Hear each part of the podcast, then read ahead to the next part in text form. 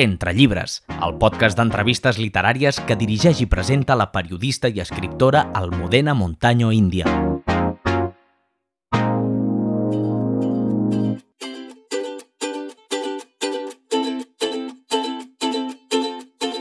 Molt bon dia, benvinguts a Entre Llibres. Avui entrevistaré a l'escriptor Manel Castromil, qui ha rebut enguany el Premi Pini Soler Ciutat de Tarragona de novel·la amb l'obra Amor. Amor és una reflexió profunda d'un professor de filologia a qui la prejubilació li angoixa i el paralitza fins al punt de qüestionar-se el sentit de la vida i de l'amor. Tot succeeix en un sol dia i en un únic escenari, en una atmosfera gairebé claustrofòbica, on descriu rutines aparentment senzilles. Un dia de vacances, a la casa familiar, en un poblet de muntanya. Parlarem àmpliament d'aquesta novel·la, que és molt especial, D'una banda, està escrita amb un lèxic molt ric, amb unes paraules tan ben posades que recorden un poema, amb frases curtes. D'altra banda, l'estructura és sorprenent, una extensió idèntica de cada paràgraf, un per a cada pàgina, 241 paràgrafs en total. Perquè us en feu una idea del lèxic i l'estructura, us llegiré un fragment a l'apartat de la lectura dramatitzada. També li demanarem al Manel Castromil que ens recomani un llibre i que expliqui les seves tècniques d'escriptura. Comença l'entrevista. L'entrevista.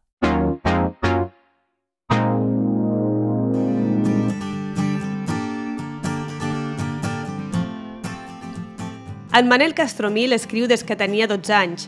És autor de 10 poemaris, un llibre de relats, dos de narrativa curta i cinc novel·les, gairebé tots inèdits. Ha col·laborat en diverses revistes literàries, ha traduït un parell de llibres i durant 10 anys va impartir un taller de poesia a alumnes de 5è i 6è de primària. L'any 2019 va crear el blog literari Vosotros no tenéis la culpa. Als matins treballa de banista i es reserva la resta del dia per a la literatura, escriure i llegir. Manel, estic molt agraïda que hagis volgut acceptar la invitació a l'entrevista perquè sé que no t'agrada sortir als mitjans de comunicació. Així que moltes gràcies per estar avui entre llibres. Bon dia, Manel. Què tal? Benvingut al podcast Entre Llibres. Bon dia, moltes gràcies. El protagonista d'Amor té un lèxic molt ric i era culturalment molt potent perquè era filòleg, igual que la seva dona, i perquè també havia llegit molt. Com tu fas per aconseguir posar aquestes paraules tan precises? Fas primer un esborrany i després busques les paraules més adequades? Com ho has fet? A veure, eh, dic que tinc un bagatge bastant ric, suposo que no queda massa bé i quedaria fins i tot un pèl pedant. Però es nota. Però, però el cert és que... Gràcies, eh, t'ho agraeixo molt.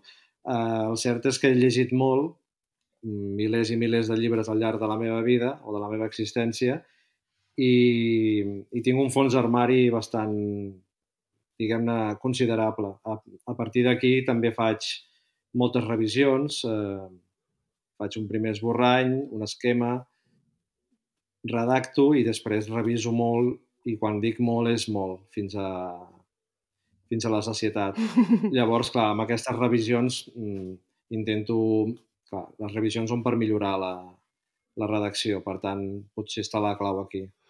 M'estimo molt la llengua i les, totes les llengües i m'estimo molt la paraula. Crec que només som, som llenguatge, només, no som més que llenguatge. Per tant, és una mica estimar-me a mi mateix, eh, escriure d'aquesta manera que dius tu, prou rica. Sí, de fet, en el llibre també, com que el protagonista i la seva dona són filòlegs, també fan moltes referències a la llengua. Era l'objectiu aquest de treure frases i posar frases referents a la llengua per donar-li un valor al català? Un dels temes de la novel·la, no el principal, eh, tots ho són d'importants, però potser el principal no és aquest, eh, el que et diré ara. Un dels temes és la, la paraula. La paraula dita, la, la paraula pensada i després dita, és a dir, eh, la paraula feta al llenguatge. Per tant, eh, s'havia havia, de denotar, s'havia de, s'havia de notar, millor dit, que, que el personatge ha tingut un bagatge important de, de lèxic.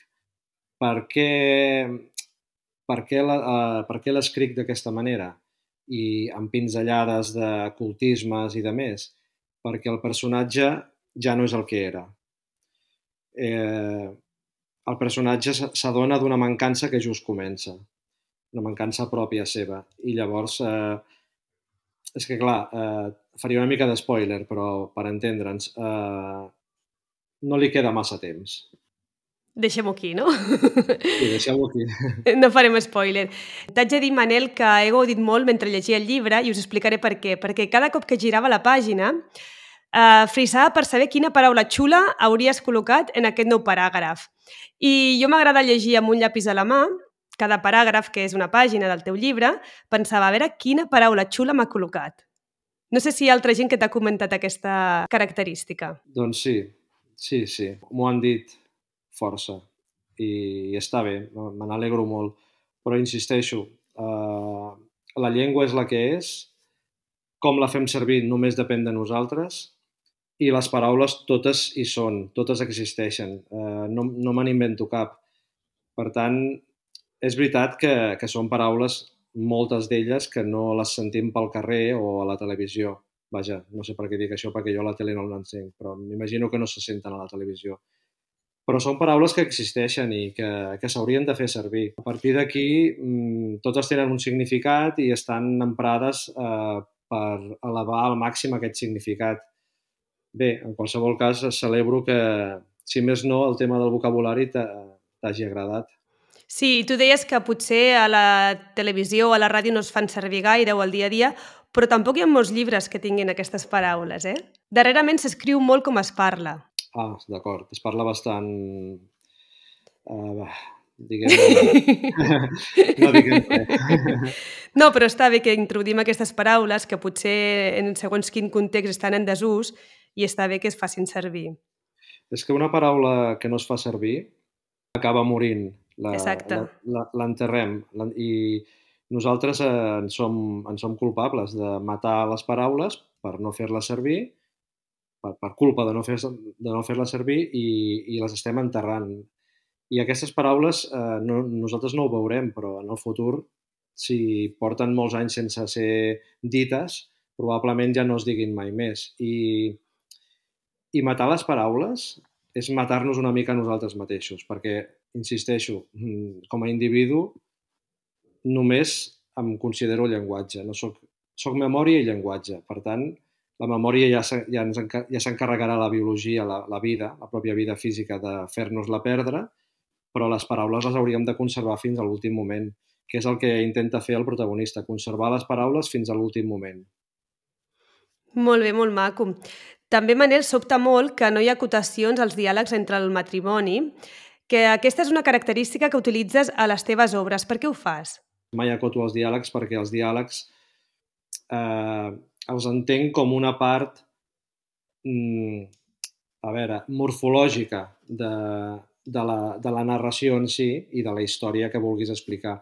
De la mateixa manera que ara tu i jo estem parlant, estem mantenint un diàleg i no veig cap acotació en lloc, no veig per què han de sortir a, a les obres escrites. De totes maneres, ho respecto i estic, bueno, llegeixo moltíssimes obres en què n'hi ha n'hi ha acotacions i no hi ha, no hi ha cap mena de problema. És un tema, és un tema meu.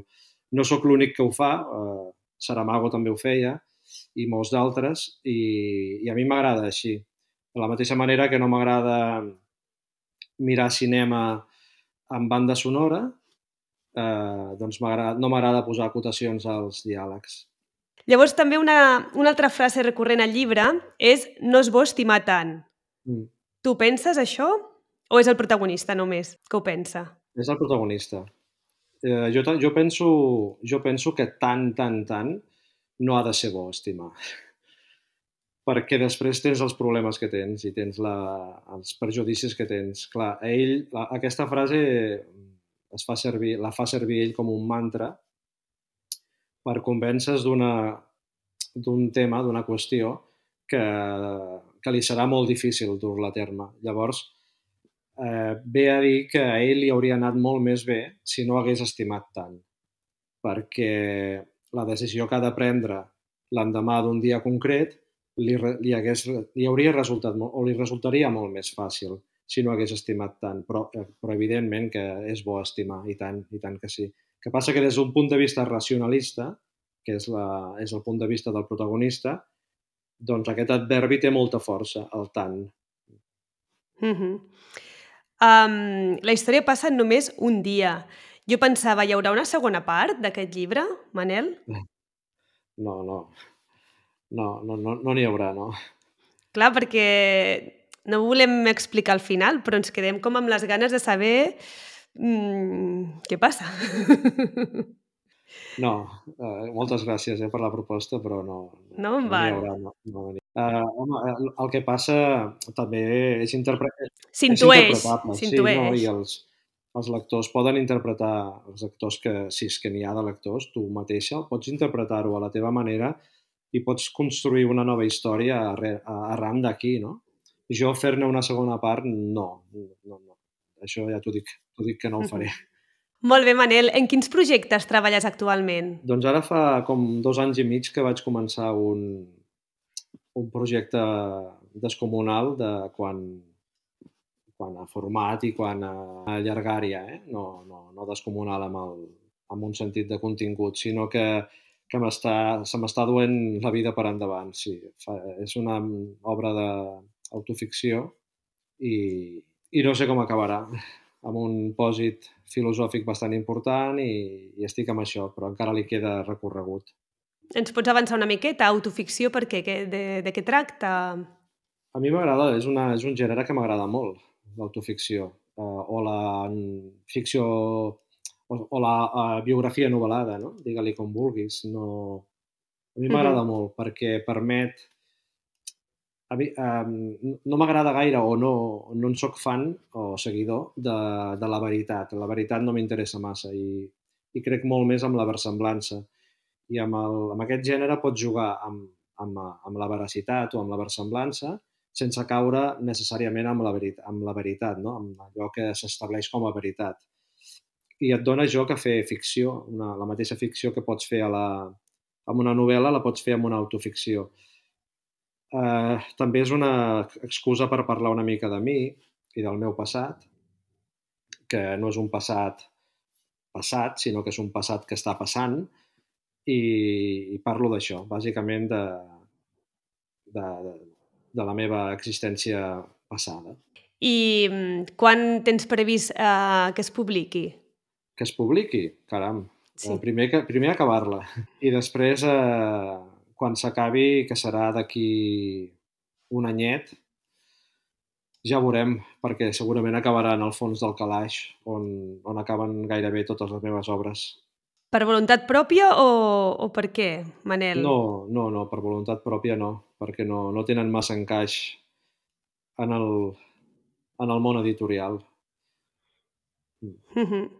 Manel, a banda de la literatura que t'ocupa mm, una part del dia, la teva feina també principal és ebanista. Explica'ns una miqueta com tu combines aquestes dues facetes. No em suposa massa problema perquè treballo d'ebanista als matins, faig 6 hores, desenvolupo una feina que vaig aprendre fa 35 anys, o, bueno, que la vaig començar a fer fa 35 anys, però que la vaig aprendre no tants, no tants anys ençà, i, i no em suposa, no se solapen les feines. La meva feina d'escriptor m'absorbeix mm, la major part del dia, més tots els caps de setmana i vacances, i a la feina de banista, doncs, eh, com que treballo per un altre, a més a més, perquè no sóc, no sóc autònom, doncs vaig, faig la meva feina i torno. No, no em suposa massa, massa problema. Uh -huh. Aquestes alçades, eh? Uh, antigament,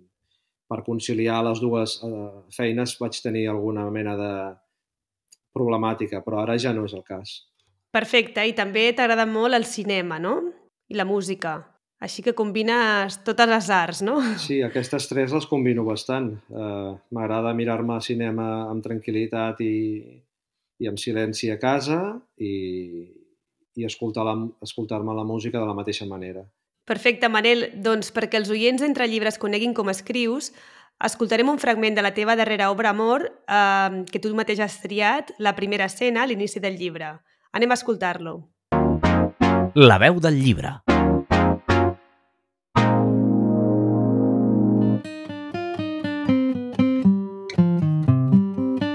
La llibertat és un camí intransitable, no n'estic segur de les paraules, que aquestes hagin estat les paraules. Encara hi dono voltes quan surto del lavabo. Un sintagma que m'ha despertat de sobte, com si algú em digués el meu nom a cau d'orella. M'he llevat de jorn que ja clarejava. He somiat amb una frase la textura de la qual no la lligo a cap veu. Feia dos anys que no m'aixecava abans que ella. Resto un moment amb les mans recolzades a la pica i començo a fer passades amunt i avall, segant un camp de pèls blancs. No goso anar més enllà de les temples. Desendollo la màquina. La llum del dia i aquesta llum. He mirat al mirall sense veure mi. Hauria dit que no era jo. Una pareidòlia. Novetats literàries. Manel, al teu llibre hi ha moltes referències a obres literàries. Ja sé que ets un gran lector, per això m'agradaria que ens recomanessis un llibre. Quin ens recomanes? Recomanar un llibre és molt poca cosa. Perquè, clar, amb els milers de llibres que, que es podrien recomanar, però bé, eh, potser dels últims que he llegit i que m'ha agradat molt com tot el que fa el seu autor, i el, te'l recomano a tu i, a, i als oients, és No entres dócilmente en esa noche quieta, de Ricardo Menéndez Salmón. I per què aquest llibre? Doncs com hem parlat abans d'autoficció, que és un gènere que a mi m'interessa molt, aquest llibre n'és n'és un estandard de l'autoficció. La, és un llibre que és molt despullat, no, té, no fa concessions al lector, això és un, és un tema que a mi m'agrada molt. No fer cap mena de concessió al lector, eh, que això vol dir que, per una banda, no el subestimes, el lector, i, per altra banda, l'estimes. I, I és un llibre valent en el qual parla d'expiació, de, de culpa, però també parla de, de la bondat, del concepte de bondat, què entenem per bondat. I també m'agrada perquè eleva al màxim la paraula, la paraula dita. La, li dona un nivell molt, molt alt. Està molt ben escrit, és molt punyent, eh, segueix una mica l'estela d'altres autors i d'altres llibres, com per exemple La isla del padre d'en de, Fernando Marías, segueix l'estela de Luis Landero amb El balcón d'invierno, o l'estela d'en Marcos Giralt amb, amb Tiempo de vida. És una obra molt rodona, molt, molt maca, molt maca de llegir i amb un pòsit filosòfic, per si li faltés alguna cosa, molt important també. Perfecte, Manel. Doncs tinc moltes ganes de llegir-lo. Me l'apunto a la nostra llista de, de recomanacions. Taller d'escriptura. Durant l'entrevista hem donat alguns detalls de les peculiars tècniques literàries que utilitzes a Amor. Ara ho desgranarem al taller d'escriptura. Escrius directament a l'ordinador o en paper? En paper. Preferiblement amb una llibreta. Després les revisions les faig amb fulls solts. I llavors transcric a l'ordinador. A quina hora del dia escrius? A partir de la tarda, doncs, eh, cap allà a, les, a partir de les 3 i al cap de setmana m'hi poso molt d'hora. M'hi poso a les 6, quarts de 7 del matí. Ets un escriptor racional que et fas esquemes i tu penses molt abans d'escriure o escrius directament el que et passa pel cap? No, sóc un escriptor racional i un individu racional. Quan comences a escriure l'obra ja penses en aquesta estructura tan precisa d'un paràgraf, igual per a cada pàgina?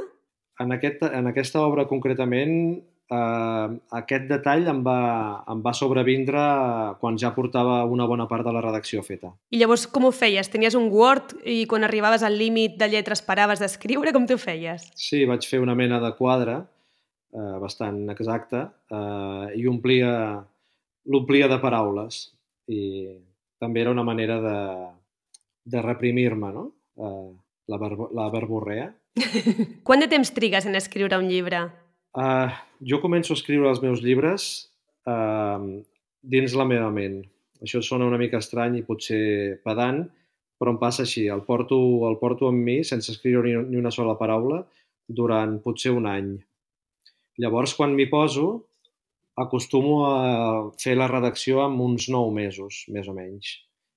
I i llavors eh, comencen les revisions, en plural, eh, tot plegat, el procés d'escriure, que és el procés mental, redacció i revisions, uns 3 anys, de mínima. I llavors, quantes vegades llegeixes el que has escrit fins a aconseguir la versió definitiva? Quatre, cinc. Mm -hmm. Qui llegeix els teus textos abans de publicar-los? Tinc una lectora fixa, més o menys, que és la meva companya, la Cristina, que també és escriptora, i, i és a qui li dono els... El primer esborrany no, el primer esborrany me'l quedo i, i ja em, fa, em faig una revisió, però la segona redacció és la que acostumo a deixar per llegir i llavors eh, valorem. En què t'inspires per crear l'argument de les teves novel·les? Amb diversos temes o aspectes de, de l'existència de l'individu. Mm, suposo que amb el que, amb el que tothom s'inspira. No, no tinc massa, massa més on agafar-me. La, la vida física i l'existència moral és, són prou interessants i, i, i llargues, si és que si és que tenim la sort de, de que sigui així, eh, com per tibar d'aquí. Jo tibo de, tibo d'aquí, de l'existència de l'individu, que l'entenc com a una existència lliure i, i individual, valgui la redundància, i també tibo molt de les lectures fetes, lectures que m'aporten que m'aporten una inspiració concreta i, i me'n serveixo. Alguns personatges de les teves obres són autobiogràfics o estan basats en persones reals? Sí, alguns són, són, són persones reals o basats en persones reals i algun està basat en mi mateix, sí. No és el cas d'amor, eh? Ah, val. No, no. Tu no ets el protagonista, no? No, no, no sisplau. Molt bé. On has après a escriure, Manel? Doncs a, a casa, llegint molt.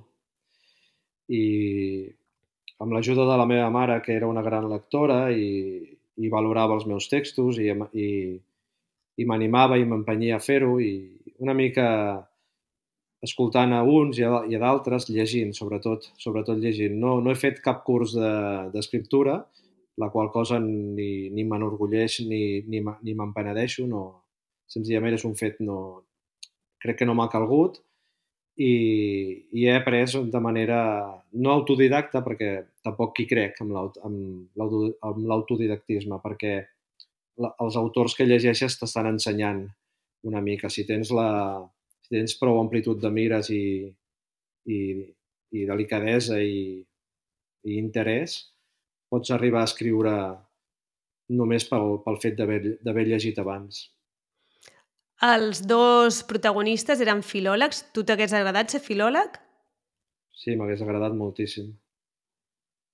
Encara pot ser, o, o, o potser ho ets i no ho saps. A vegades no cal tenir els estudis per ser-ho, no?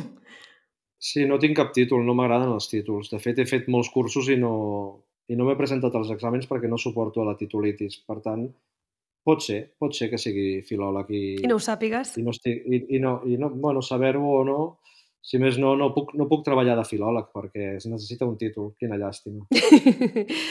Manel, la darrera pregunta és si es pot viure exclusivament d'escriure llibres. Si et pots guanyar la vida escrivint només.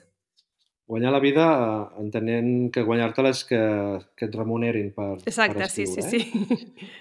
No, en el meu cas no. I en general, creus que Catalunya es pot? No, crec que no. En general, eh? eh si parlem així de grosso modo, diria que no. Molt bé, Manel. Doncs ja hem acabat l'entrevista, ha sigut un plaer entrevistar-te. És molt interessant tot el que expliques eh, sobre la llengua, sobre mm, l'èxit que utilitzes, com has, com has aconseguit tenir tot aquest bagatge de, de sintaxi, de lèxic i d'estructura mental de les teves obres llegint tant i tenint també aquesta memòria selectiva, perquè mm, si dius que llegeixes tant, deus tenir les obres bones i les dolentes. Ens has fet una recomanació molt, molt, molt interessant i, i res, esperem que tinguis molt d'èxit amb aquest projecte que t'has proposat i que mm, segurament a partir de l'any vinent eh, hauràs acabat i potser veure la llum. Esperem-ho. Esperem que sí, Manel, perquè comentaves que potser és un estil que no interessa molt. A mi m'ha interessat moltíssim aquest estil. Moltes gràcies, esperem que sí. Perquè mm, és el que et comentava, que a vegades eh, llegim molts llibres, però el lèxic eh, que es fa servir és el del carrer, que també està molt bé, però que mm, fer servir un lèxic interessant, eh, en desús, però que és eh, molt ric, està molt bé també. Aprenem molt i ens enriquim com a llengua. Mm, pensem, pensem semblant, sí, sí. Doncs t'animo a que no ho deixis aquí, que escriguis molts més altres llibres d'aquest estil o d'un altre. No cal que siguin tan estructurats, que cada pàgina estigui tan estructurada, perquè sí. ha sigut mm, sorprenent, però jo crec que dona una feina increïble. Sí, sí, sí. Ah, dona feina, sí. Sí. Doncs moltes gràcies, Manel. Tot un plaer. Et desitgem molts, molts èxits.